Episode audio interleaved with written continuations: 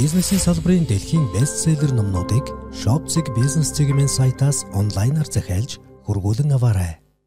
Сайн байцгаана уу энэ орой мэндийг хүргэе. 2023 оны 3 дугаар сар бол хүний нөөцийн одоо сэдвээр ярилцахсаар байгаа. За бизнес цэнийг вебинарыг өгтөж бизнес подкаст нэвтрүүлэг эхлэхэд бэлэн болсон байна. За энэ одоо дугаараар Монгол консалтинг сервис компани CEO Жахлан өргөдөж оролцсон байна. А орой мэнд хүргэе. За танд бас энэ өдрийн мэндийг хүргэе. Тэгээд нийт сонсогч нартаа бас яг энэ мэдээллийг сонсох өдрийн мэндийг дахин хүргье. Аа. За баярлалаа. Тэгээд намаг прожийн гандлахар гэдэг тэгээд зочин хөтлөгчөөр ажиллаж байгаадаа нэр төрөөр гэж бодож байна. Ингээд асуултаа эхлэе. За жохоо маань а бизнесийн салбарт 15 жил ажилласан байна. Тэр тусмаа хүний нөөцийн салбарт бол 11 жил ажилласан. Ариун их туршлагатай ийм залуу хэрнээ бас олон жилийн туршлагатай юм байгаа. Тэгэхээр сүүлийн үед хүний нөөцийн салбарт тэр тэр тусмаа ажлын байрууд ямар ямар өөрчлөлтүүд гараад байна. Тэр тусмаа дэлхийд дахинд ямар өөрчлөлтүүд гарч байна. Тэр сэдвээс эхлэх юм. Тэгээ Ер нь би одоо хүний нөөцийн салбарт та ингээ 11 жил ажилласан гэдгийг сая дурдлаа л да тий. Тэгээ энэ 11 жилийн хугацаанд нэр томьёоны хувьд том өөрчлөлтүүд гарч ирж байгаа гэж харж байгаа. Анх одоо би хүний нөөцийн салбарт одоо мэдээлэл технологийн салбараас ороход бол заа хүмүүс энэ боловсон хүчин гэж ярих байсан. Хүний нөөц гэж ярьдаг болсон гэл над сургаж игжилсэн. Одоо ах нар минь зааж ирсэн. Тэгээ удалгүй явж исэн чи одоо human capital, хүмүүс баялаг, за хүмүүс сэтгэл зүйтэй, people management гэл за тэгээ одоо сүүлдээ diversity тэргээл янз бүрийн нэр томьёоны өөрчлөлтүүд гараад байгаа. Тэгээд сүүлийн энэ 2 жилийн хугацаанд энэ ковид сар захлаас ер нь хойш бол захим шилжилт өөрөө хүчтэй одоо энэ бий боллоо. Үүнийг дагаад agile хүний нөөц гэдэг ийм ойлголт нэр томьёо шинээр гарч ирээд. Тэгэхээр эндээс би юуг ингэж хард үгнээд байна гэхээр энэ өөрчлөлтүүд бол нийгэм эдийн засаг энэ орчны өөрчлөлт ингээ өөрчлөгдөх гэхээр хүн ам зүйн одоо ажлын байранд дах менежментийн арга хэрэгслүүдийг өөрчлөхөөс сонголтгүй болж байна гэж харж байна. Ягаад нэгдүгürt бол одоо ажлын ажлын байран дээр ажиллаж байгаа хүмүүсийн насны бүтэц өөрчлөгдөж байна. За нөгөө хэрэглэгч нарын одоо өндөр хэрэгцээ шаардлагууд хувьсан өөрчлөгдөж байна. За зүгээр нөгөө талаар энэ захим технологиуд хүний амьдралын хэм маягийг өөрчилж байна. Тэгэхээр тэр хэрэгцээ шаардлагыг хангахын тулд бизнесийн байгууллагууд цоо шинээр бүтээгдэхүүн үйлчлэгийг хүргэх хэрэгтэй шаардлага бий болж байна. Тэгэхээр тэр бүтээгдэхүүн үйлчлэгээ бий болгохын тулд хүний нөөцийн менежментийг шинэ хэлбэрээр зохион байгуулахаас сонголтгүй болж байна л гэж би түрүүн. Тэгэхээр эрс өөрчлөлт хийх хэрэгтэй байна тий. Тэгэхээр эрс өөрчлөлт хийхээр одоо нэг бизнесийнхэнд чинь гаргалгаа хэрэгтэй шүү дээ тий. Юунаас эхлэх вэ? Тэгэхээр юуны төрөнд agile гэж одоо юунаас эхлэлтэй ийм ойлголт юм бэ гэдгээс эхлэхээс хэрэгтэй болж байгаа. Тэгэхээр agile гэдэг одоо ойлголт юунаас үүсэж байна гэхээр мэдээллийн технологийн салбараас үүссэн. За энэ 21 саяхан гэтэл одоо энэ chat GTP зэрэг технологиуд өөрөө хүчтэй бий болоод хүн одоо хүн бол одоо бомбын ирэн шилжлээ, оюун ухаан ирэн шилжлээ тий том технологийн нээлтүүд гарч байгаа гих зэрэгээр энэ бол өөрөө ажлын байран дээрх одоо шаардлагуудыг өөрчилж байгаа энэ технологийн том дэвшлүүд жолоодч хүчүүд бий болоод байна тий driving force гэд нэрлэдэг. Тэгэхээр энэ жолоодоо байгаа хүчүүд маань өөрөө ажлын байрыг өөрчилж чий гэдэг. Энийг хийхин тулд энэ ингээд нэг 2000 энэ 10 орчим оноос эхлээд ингээд энэ agile manifesto гэдэг нэг юм ойлголт гарч ирсэн. За энэ одоо юу гэж байгаа вэ? Ерөөсөө нөгөө манай монголчуудад байдаг зовлон. Юу гэхээр програм хийлгээд за ажилтгүй гэдэг. За одоо манайхан чи бид нэр маш их болсон жил одоо веб хийлгэлээ тий. Манай IT их муу нэртэй. Нэг ажилтгүй вебтэй. Эсвэл өөртөө зориулсан юм хийдэг гэдэг. За тэгээ ер нь ингээ харах юм бол энэ бол одоо нэг талдаа бол нөгөө мэдээж хөгжүүлэгч тал бол муу юм хийхийг хүсэхгүй. Захиалагч тал бас мэдээж сайн юм хийхийг хүсэж байгаа. Ингээд хоёр юм хүсэл байхад ягаад дийлэхгүй байна гэдэг дээр л асуудал ингээд гарч иж байгаа. Тэ. Тэгэхээр энийг бол ингээд цоо шинээр өөрөөр зохион байгуулж хийх нь илүү хэрэгтэй байна уу? Хэрэглэгч төвхтэй гэдэг ойлголтоор шилжиж эхэлж. А бизнес нь өөрөө хэрэглэж байна. Одоо нөгөө IT-гийнх нь програм хөгжүүлж байгаа ойлголт. Түүнээс нөгөө IT-ийн хүн IT-тай өөртөө зориулж хийгээд буруу байна гэж хэлээд байна шүү дээ, тий. Тэгээд энэ өөрөө ингээ философи ингээ явангууд нөгөө тухайн ажлыг хэрэглэгчтэйгээ хэрэгцээний шаардлагыг оновчтой зөв тодорхойлохоос эхлэж одоо ажилтыг юм програм хангаж хөгжүүлэлтийн технологиуд бий болж байна л доо. За нэгдүгээр одоо та нэг вебсайт хийлгэж байгаа танаас юу хүсэж байгаа тий. Таны вебсайтаар хүнд очилж ороод ямар мэдээлэл авах юм тэр одоо хэрэглэгчийг аваа таныг ингээд бид нар хамтдаа хэрэглэгчтэйгээ хамтдаа хөгжүүлдэг ийм цоошин моделийг бий болгоод ирсэн. Тэгэхээр энэ бол илүү нөгөө нэг богино хугацаанд дээр одоо хэрэглэгчтэй хамгийн чухал үн цэнтэй зүйлсийг бий болгох дээр нь ажилтдаг. Ийм одоо технологийн өөрчлөлтүүд бий болгонгод хөгжүүлэлтийн орчингууд өөрчлөлтүүд энэ өөрөө томоохон одоо нэг технологийн хурцыг маш хурцтай бий болгоод нөгөө эдийн засаг дээрх том одоо жолоод хүчүүд болоод бий болоод эхэлж байна л да тий. Тэгэхээр энэ нь тэг хүний нөөцтэй яаж уйлдэж? За энэ нь ингээ хүний нөөцтэй яаж уйлдж байна гэнгүүт ерөөгээд нөгөө уламжлалт бизнес гэх юм уу да тий одоо энэ сайн технологи аргачлал байна гэдгийг хүмүүс хүлээн зөвшөөрчлөө тий энэ нь нотлогдчихлоо тэгвэл энийг ашиглаас өр сонголдог болчих. Та одоо магадгүй уламжлалтаар бизнес хийжсэн чи энд хажуугаар нь бүр илүү сайн аргатай, илүү өөр одоо дэвшилт аргаар бизнесээ удирдах болсон хүн бизнес хийнгөө таны нөгөө хэрэглэгч чинь булаагаад байгаа. Тэгээ таны зах зээл чинь байхгүй болгоо тий. Одоо саяхан гэхэд Монголд UB Cab жишээлбэл хуучин таксины компани дээр жолтоод авчлаа шүү дээ тий. Энэ бол одоо бид нар хэдэн жилийн өмнө Америк тим гинлээ гэж сонсч байсан бол одоо бид нар амьдрал дээр ийм болчихлоо тийм ээ. Тэгэхээр нөгөө бизнес нөхдүүд маань амьд үлдэхийн тулд яах юм? Тэр сайн технологи л нэвтрүүлэхээс өөр аргагүй. Ерөөсөө хэрэглэх хэрэглэх нэвтрүүлэх тийм ээ. Ийм зүйлс бий болж. Тэгжээж л тэр хэрэглэгч тэр компанид үлдэж байна. За тэгэхээр нөгөө нэгдүгээр удирдлагууд маань одоо майндсет гэж нэрлэдэг байгаа бодлогын одоо бодол санааны хувьд цоош нь өөрчлөлт гарах хэрэгтэй болж байна цоошин хандлагаар хандах хэрэгтэй болчиход байна тийм цоошин хандлагаар. Аа. За хоёрдугаар тэр цоошин хандлагаар ажиллахад чинь тэр хандлагад нь тохирсон менежментийн аргачлал нь өөр болж эхэлж байна. За ингээ ажил дотор ингээ шинэ нэг том юм шиг боловч дотроо маш их олон одоо менежментийн фреймворк нэрлэгдэх аргачлалууд байна. Одоо спринт гэл байна. Одоо өөр юу гэдэг дизайн think орох. Дизайн thinking гэдэг нэг бүр цоошин шинээр өөрчлөлт юм нэр томьёонууд бий болоод эхлэнгүүд энэ бүр ингээ хурдтай хөгжөөд энийг л хэн хурдан ашиглаж ийн энэ зах зээл дээр амжилт олдог аж ахуй нэгж бий болчихлоо гэж харж байна. За тэгээд нь тэр ажлыг хийж байгаа тэг хэрэглэгч рүү илүү ойртож байгаа ажилтнууд нь тэр компанид ажиллаж байгаа хүмүүст нь өөрснөө тэд нар ямар шаардлага тавьж байгаа. А нөгөө бизнесийн одоо удирдагчид энийг яаж хүний нөөцийнхөө бодлоготой уяах юм? Ямар өөрчлөлтийг хийх вэ? Ажлын байрны цагийн цаг нь өөрчлөлтөнд орох юм уу? Тэ staff on demand гэдэг хэрэгтэй үед нөгөө хүмүүсээ ажиллуулах юм уу? Ямар өөрчлөлтүүд? За нэгдүгürt бол энэ дээр бол ажил бол уян хатан болсон гэдгийг бол одоо хүн болгон ойлгосон. Энийг бол одоо яг шүрхөөс аргагүй. Тий, яг юм бол хуучин юм ярьж байгаатай болж. Энэ тэгтэл энэ тодорхой хүний нөөцийн уламжлалт менежментийг өөрчилж байна нэгдүгээр. За жишээлбэл нэг сургалтын жишээ ярий те. За. За үүн бид нар яаж ажилтдаг байсан бэ гэхээр хүний нөөц жилийн сургалтын төлөвлөгөө гаргаал те. Ур чадрын үнэлгээ хийгээл тэндээс нь сургалтын төлөвлөгөө гаргаал хэрэгцээг нь тодорхойлол гэд энэ төсвөө гаргаал за одоо ганд долгор багшаа та энэ энэ жил ийм ийм ур чадрыг хөгжүүлээ ш энэ сургалтанд хамрагдсан шүү гэл ингээд явчихсан. Одоо нөгөө хэрэглэгч танаас цоош юм хүслээ. Та мэдхгүй мэдхгүй гэдэг нь ойлгомжтой тий. Ягаад тэгэхээр цооч юм өссөн. Тэгэхээр та тэр хэрэглэгчд тэр юм хийж өгөхөөс сонголтгүй болсон. За тэгэхээр одоо магадгүй энэ дээр хажууд байгаа бата гэдэг хүн сайн мэддэг байж болно. За тэгэх юм бол хэрэглэгч та хоёр нийлээд батаг тодорхой богино хугацаагаар хөсөлж аваад хоёулаа энэ нэг асуудлыг хамтдаа шийдвэрлэе. Гэт ингээд явчих гэсэн. За энэ дээр хоёулаа 14 хоног ажиллая. За 14 хоногийн хугацаанд л хэрэглэгчтэй хоёлоо энэ хүсэж байгаа юм шийдвэрлэл хүсэлтийг шийдвэрлэж өгье. Ингээд ажил. Тэгэхээр нөгөө Батаа маань ингээд нөгөө заавалчгүй нэг компанид уягтаад ажиллах хүслэг болж эхэлж байна тийм. Энэ өндөр таалан нөхөр болцсон учраас нэг компанид ингээд урт хугацаанд ажиллахгүйгээр гандалгартай 14 хоногт сонирхолтой хэрэглэгчийг баярлуулсан гоё төсөлтөөр хийчихье. Ингээд ажиллаад эхэлж Тэнгүүд энэ дээр нэг цаадалт нэг одоо төслийн менежментийн арга аргачлал гээл одоо хэрэглэгчийн хэрэгцээ шаардлагыг яаж тодорхойлох юм гээд нөгөө дизайн тинк ингээ таны дуртай аргаар нөгөө дизайныг нь яаж болсоо хэрэглэгч үсэж байгаа сайн мэдхгүй. Тэгэхээр нөгөө батат хоёр нийлж байгаа хэрэглэгчийн хүслийг нь оновчтой зөв тодорхойлох юм байна.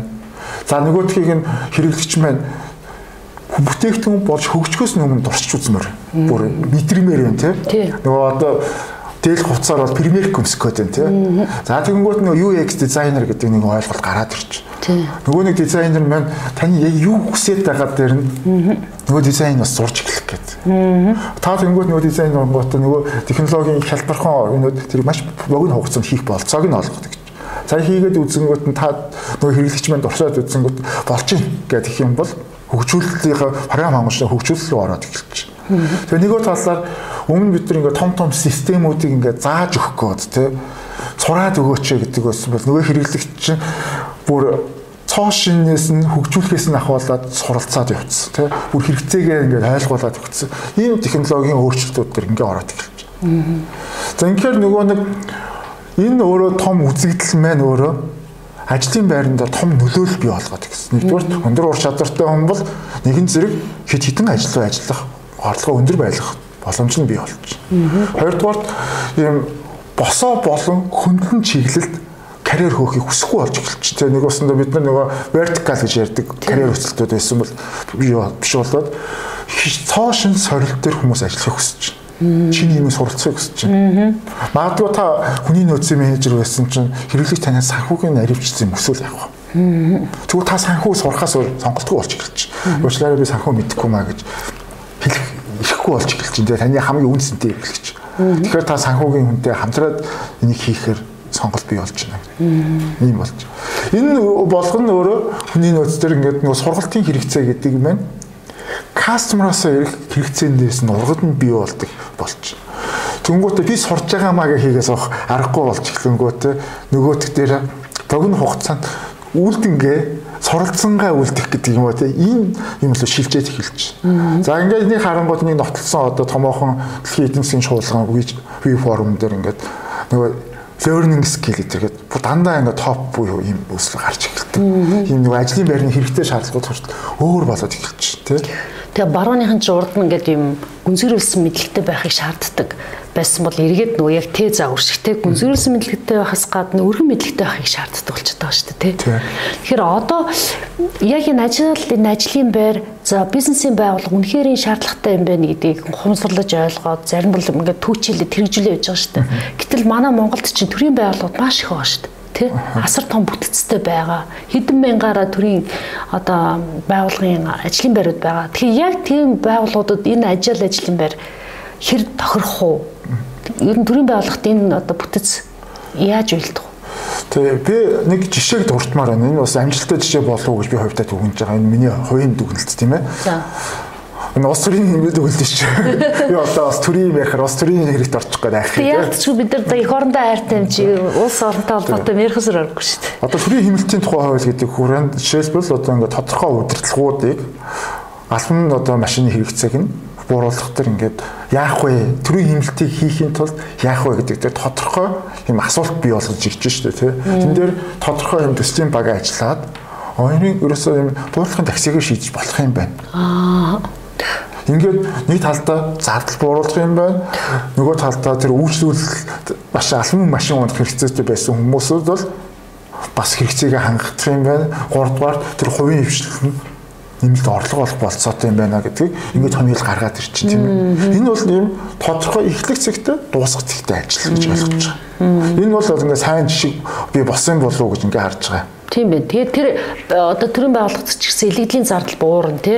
Тэр хөрөнгөтэй холбоотой тэрийг арчлах гэл олон зардлууд буурах байхгүй. Энэ айгуу тийм ухаалаг шийдлээ л да. Тэгэхээр энэ ажил гэдэг зарчим энэ дээр нөгөө гүйцэтгэлийн үнэлгээтэй яаж холбогдох гээд байгаа юм бэ гэдэг юм ярих гэж байна л да би гол санаа. За. Санаа магадгүй бидний хуучин одоо зааж ирсэн гүйцэтгэлийн үнэлгээний зарчим ярьж исэн ойлголт бол нэг KPI индикаторыг урт хугацаанд сайн үнэлгээ хийгээд те яг ингээд тасралтгүй байж анализ хийх болцоонууд гарч ирнэ гэдэг юм барьжсэн.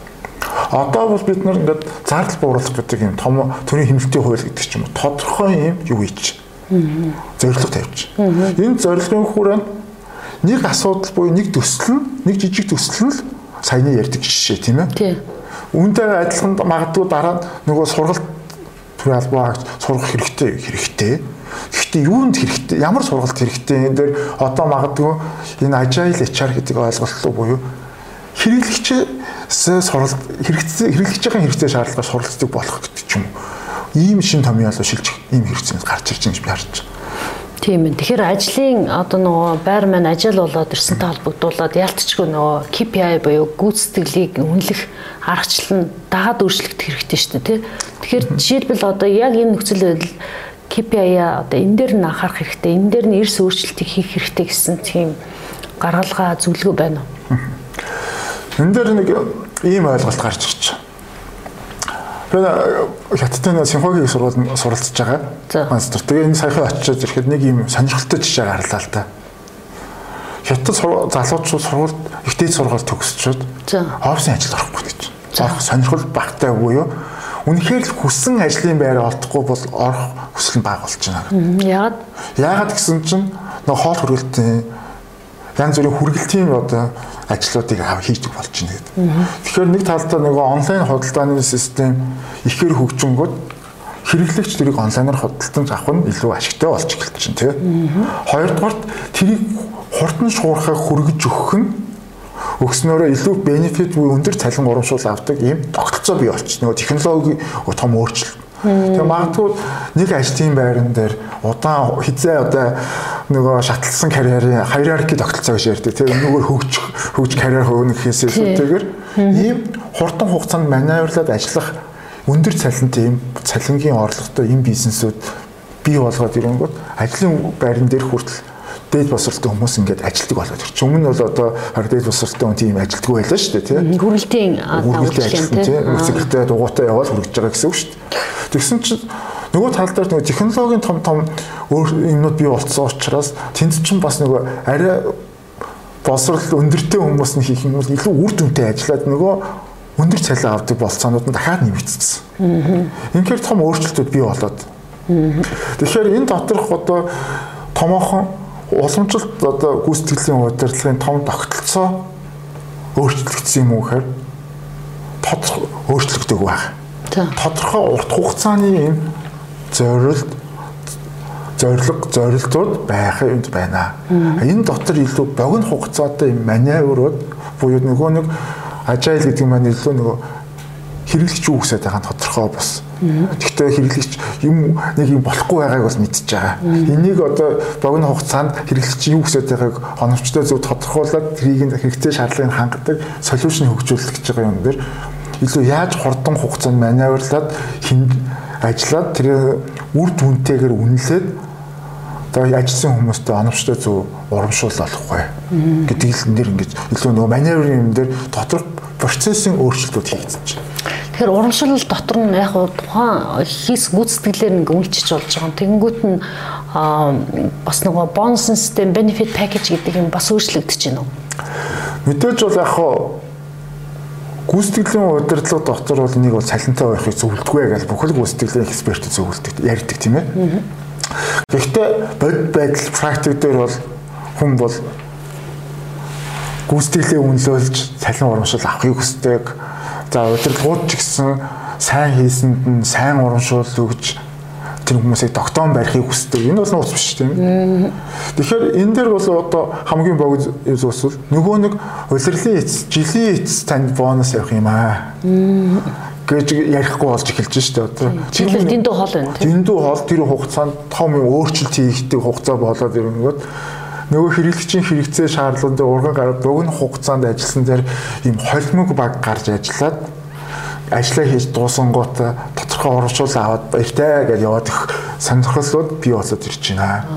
Тэгэхээр нэг талдаа нөгөө хуучны одоо хийснээр их цалин гэдэгтэй адилхан. Эсвэл одоо шинэ одоо performance management гэдэг ингээд ийм хоёр юмны холимгууд ингэж ийм процесс бий болж эхэлж Тэгэхээр байгууллагын стратеги төлөвлөгөө гэдэг энэ хүний нөөцийн бодлого бол урт хугацаанд яаж явах юм бэ буюу уламж гүйцэтгэлийн удирдлагын том тогтолцоонод явж байна. Энэ тэгсэн чинь хажуу талаас нь өндөр ур чадвартай богинохон хугацаанд ажиллах тийм хүмүүсүүдтэй яаж багаа холимог болгож ажиллах юм. Одоо магадгүй би энд нэг хамт олонтойгоо нэг 4 5 аштайхан ажилтдаг байсан чинь нэг чухал ур чадвар дутагдaltaй болоо тэр ур чадварыг би нэг өөр хүнээс авах авах хэрэгтэй боллоо.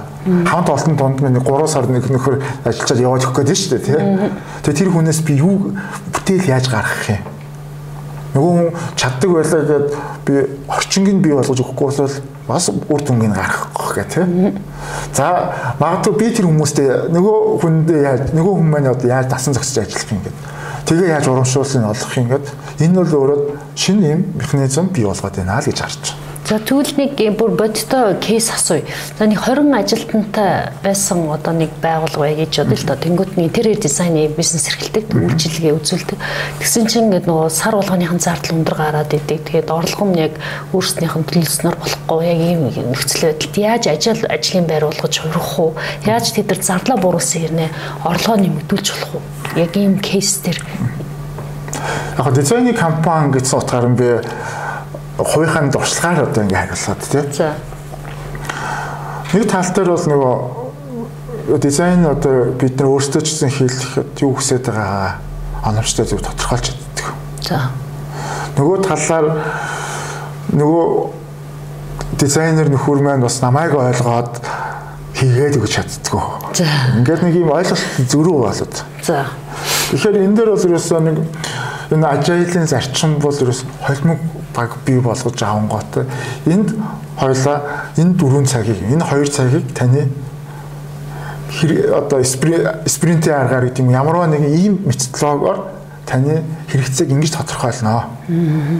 Энэ дээр маань нэг 2 цагийн яг энэнийг ихэд 2 цагийн экспертийг би хүсэлж аваад ажиллаулнаа. Хоёулаа би би зөндөө ажил тааны зөндөө юм ярьж өгөөл би нэг зөндөө ажиллаад хоёулаа ингээд цаг алдаад нэг 7 хоногийн дараа хийсэн ажил нь үр дүнгүй болсны оронд хоёулаа энэ 2 цагийг л үр дүнтэй зарцуулъя.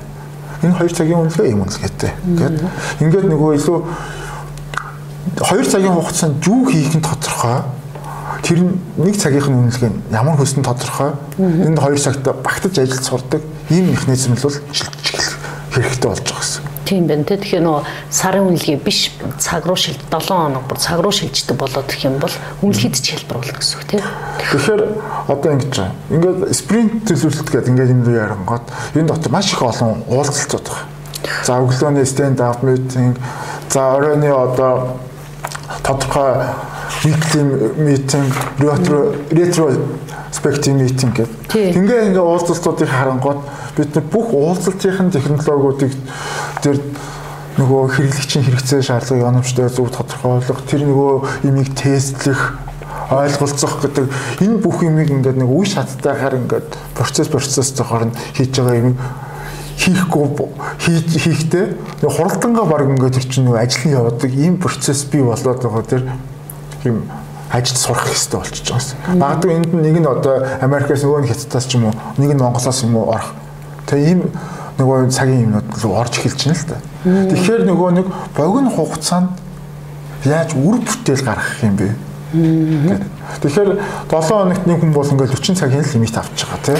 За тэрний чинь баг 4-өөс 8 цаг нь хурал болчихж байна.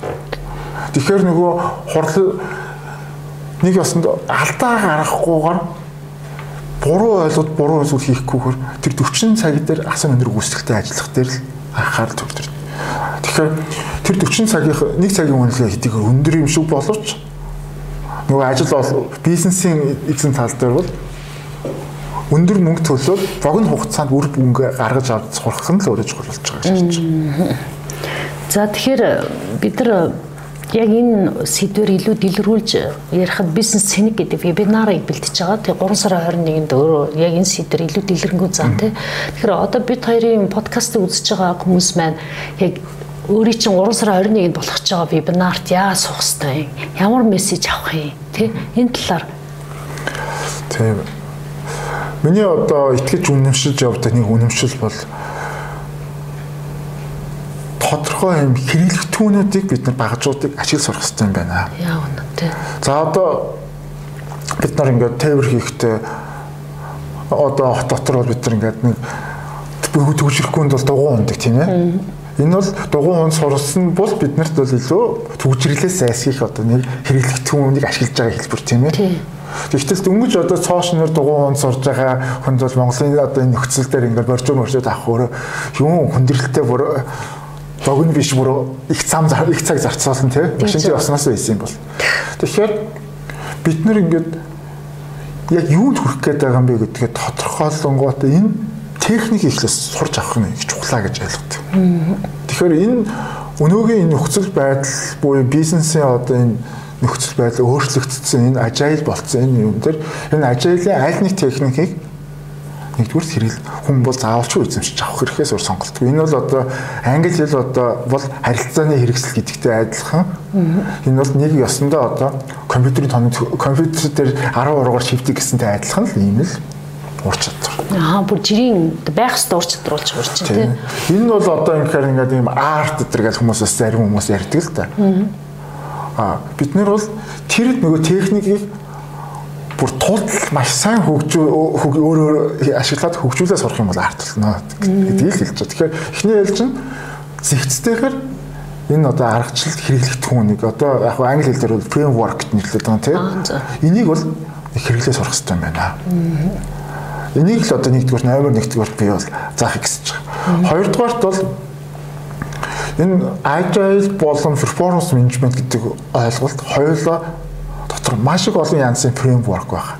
Энд олон фреймворк буюу хэрэглэгдэхүүн дотроос би энэ agile дээр нэг хэрэглэгдэхүүнийг сонгож байгаа нь гүйцэтгэлийн удирдлагын тогтолцоон дотроос нэг хэрэглэгдэхүүнийг сонгож аваад энийг яаж миксэд буюу холж ажилуулж байгаа гэдэг дээр хослуулан ашиглах. Хослуулан ашиглах гэдэг нэг аргачлалыг одоо заанаа л гэж ойлгож байна.